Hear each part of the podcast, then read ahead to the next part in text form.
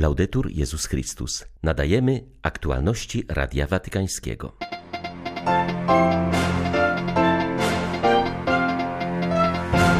Szacunek dla dzieci świadczy o tym, jakimi jesteśmy dorosłymi, przypomina papież w przesłaniu do uczestników Światowej Konferencji na rzecz wyeliminowania pracy dzieci.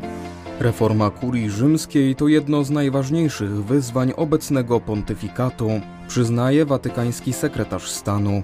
Mamy służyć papieżowi i biskupom, dodaje kardynał Pietro Parolin. Wiemy, że w naszej walce nie jesteśmy sami, jest z nami Kościół i chrześcijańskie narody świata, powiedział arcybiskup Światosław Szewczuk, dziękując za pomoc okazywaną w tych miesiącach Ukrainie. 17 maja witają Państwa Marek Krzysztofiak i ksiądz Krzysztof Ołdakowski. Zapraszamy na serwis informacyjny. Papież skierował przesłanie do uczestników Piątej Światowej Konferencji na rzecz wyeliminowania pracy dzieci, która odbywa się w Durbanie w Republice Południowej Afryki. Franciszek zauważył, że tragedię tę pogłębiają skutki globalnego kryzysu zdrowotnego oraz szerzenie się skrajnego ubóstwa w wielu częściach świata. Franciszek zwrócił uwagę, że zbyt wiele młodych rąk zajętych jest oraniem pól, pracą w kopalniach, przemierzaniem dużych odległości dla zaczerpnięcia wody, nie mówiąc już o przestępstwach prostytucji, które pozbawiają miliony najmłodszych dzieciństwa i godności danej przez Boga. Papież wyraża nadzieję, że uczestnicy konferencji zajmą się tematem strukturalnych przyczyn ubóstwa w świecie i skandalicznymi nierównościami, bo to one są głównym czynnikiem narażającym dzieci na wyzysk przez pracę.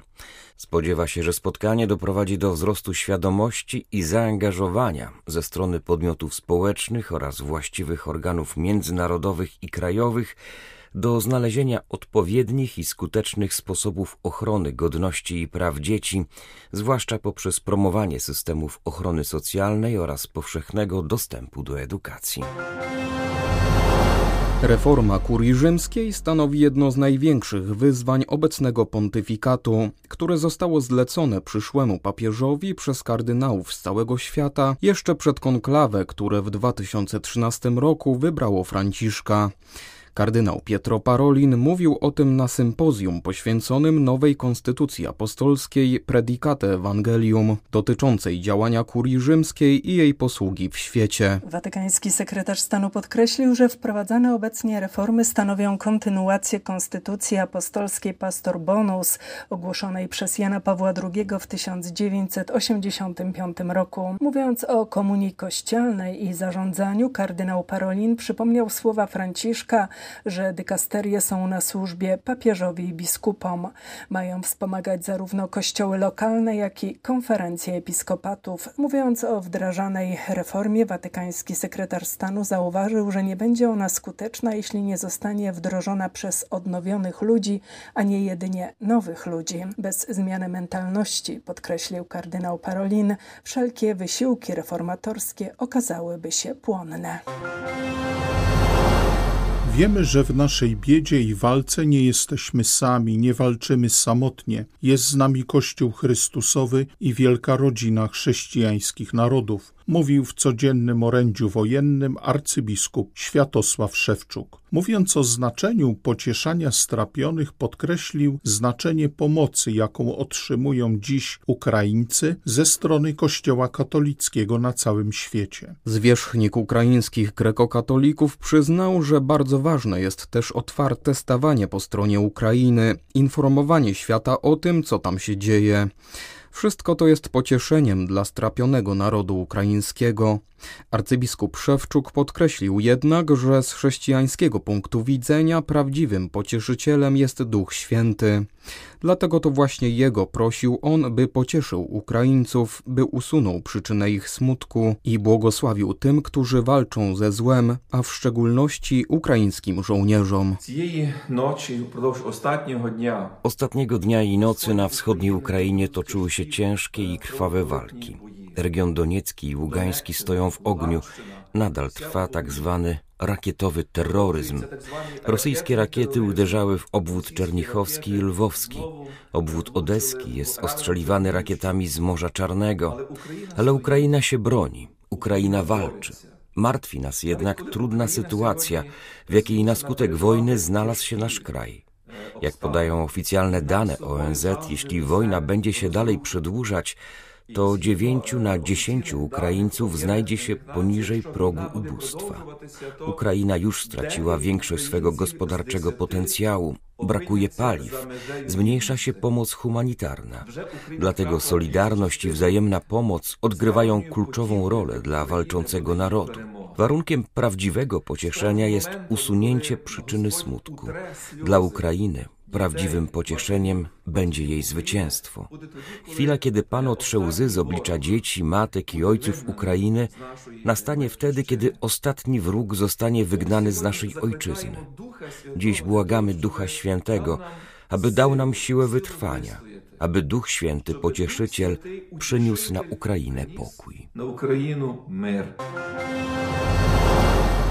Organizacja charytatywna Misericordie d'Italia prowadzi szeroką działalność wspierającą ofiary wojny na Ukrainie. Jej członkowie wraz z wolontariuszami są obecni na granicy polsko-ukraińskiej w Korszowej zajmują się głównie ewakuacją osób niepełnosprawnych, które potrzebują natychmiastowej i specjalistycznej opieki. Mówi przewodniczący Misericordia d'Italia Domenico Gianni. Do tego dochodzi cały transport artykułów pierwszej potrzeby. Podczas zbiórki podjętej na całym terytorium Włoch zebrano ponad tysiąc ton towarów, które zostały przekazane i cały czas docierają na granicę. Trzeba także zauważyć wspaniałą działalność Family Link, organizacji łączącej osoby z rodzinami i przyjaciółmi z Włoch, którzy hojnie przyjęli uchodźców. Należy wspomnieć także o instytucie, który oddał do dyspozycji Misericordii obiekt w prowincji Lucca, gdzie zostało przyjętych 50 pozbawionych opieki dzieci. Projekt ten powstał właśnie z myślą o najmłodszych. Realizujemy naprawdę piękną inicjatywę na rzecz tych dzieci, które od ponad miesiąca znajdują się we Włoszech. Wojna na Ukrainie jest jak walka Dawida z Goliatem, a Bóg był po stronie młodzieńca, powiedział w wywiadzie dla gruzińskiego dziennika Azatyk honorowy patriarcha Kościoła Prawosławnego Ukrainy Filaret. Ukraina pokona Rosję. Bóg jest z Ukrainą. On jest po stronie prawdy, a nie kłamstwa, zaznaczył emerytowany duchowny. 93-letni prawosławny patriarcha kijowski wyraził nadzieję, że zwycięstwo Ukrainy będzie zwycięstwem całej Europy i każdego pokojowo nastawionego kraju. Przypomniał o stosunkach, jakie łączyły go z obecnym moskiewskim patriarchą Cyrylem oraz odniósł się do jego wypowiedzi. Nazywa białe czarnym i odwrotnie, kiedy mówi, że Rosja nigdy nikogo nie najechała, a już na pewno nie Ukrainę. A przecież każdy widzi prawdę, mówi Filaret. Zapytany o wypowiedzi Franciszka dotyczące wojny, zaznaczył, że chociaż nie spodobały mu się słowa o ujadaniu NATO, ponieważ Rosja jest agresorem zagrażającym wielu krajom, to motywem wszelkich działań i słów musi być zabieganie o pokój, Papież próbuje udobruchać Moskwę, dlatego powiedział, że chce się spotkać z Putinem przed przyjazdem do Kijowa. Naszym zdaniem nie ma to jednak większego znaczenia, ale wszystkie sposoby są dobre, by wspierać pokój. Jesteśmy w tej kwestii po stronie Watykanu. W ramach obchodów 130. rocznicy urodzin kardynała Józefa Slipija na Ukrainie ukazuje się właśnie drukiem wielojęzyczne wydanie jego duchowego testamentu. Ten grecko-katolicki metropolita lwowski, aresztowany przez Sowietów w 1945 roku, spędził w łagrach łącznie 18 lat. Wśród ośmiu języków czytelnicy znajdą także język polski. Kardynał Józef Slipij zaczął pisać swój testament w 78 roku życia, siedem lat po uwolnieniu z sowieckich łagrów, jakie miało miejsce w roku 1963. Dokonało się ono dzięki interwencji Nikity Chruszczowa, papieża Jana XXIII oraz prezydenta Stanów Zjednoczonych Johna Kennedy'ego.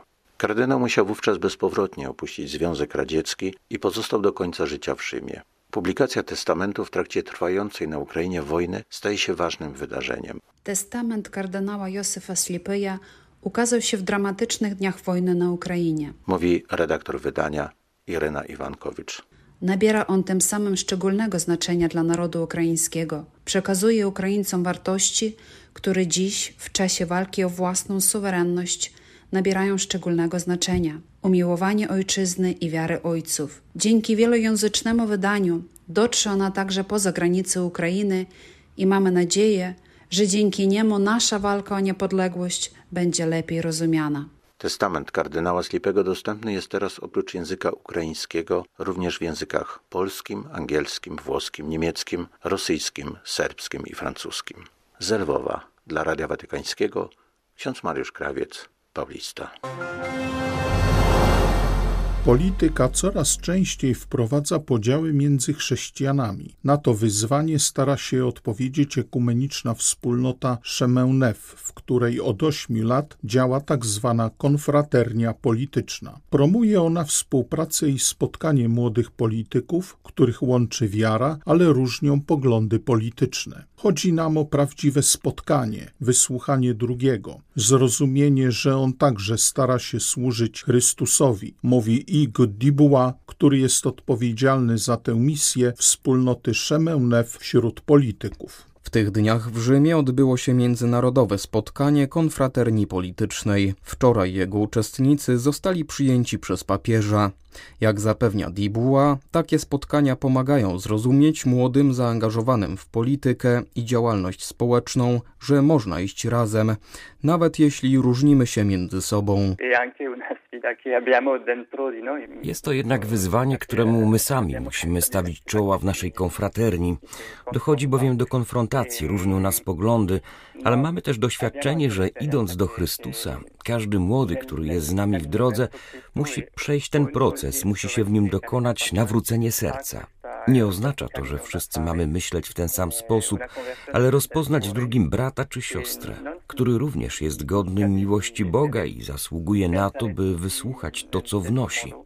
Tym niemniej sami w ubiegły weekend doświadczyliśmy, że również między nami są napięcia, że nie jest to takie łatwe i oczywiste, bo jest wśród nas wielka różnorodność, ale jesteśmy w drodze. Bez Boga człowiek traci swój punkt odniesienia, swoją specyfikę i nienaruszalną godność podkreśla kardynał Camillo Ruini, pytany o przyczyny kryzysu wiary w społeczeństwach Zachodu. Bez wskazywania wprost niemieckiej drogi synodalnej przestrzega jednocześnie przed takimi działaniami krajowych konferencji episkopatu, które zagrażają jedności Kościoła. Kardynał Ruini przez wiele lat kierował konferencją episkopatu Włoch. Z perspektywy swych doświadczeń podkreśla, że episkopaty pełnią funkcję o największym znaczeniu. Za Zauważa, że umożliwiają one Kościołowi zabieranie głosu i odgrywanie roli na poziomie krajowym, a także ułatwiają i wzmacniają więzi między biskupami danego kraju. Nie mogą one jednak stanowić przeszkody w działaniu poszczególnych biskupów, a tym bardziej zagrażać jedności Kościoła powszechnego, podkreśla hierarcha.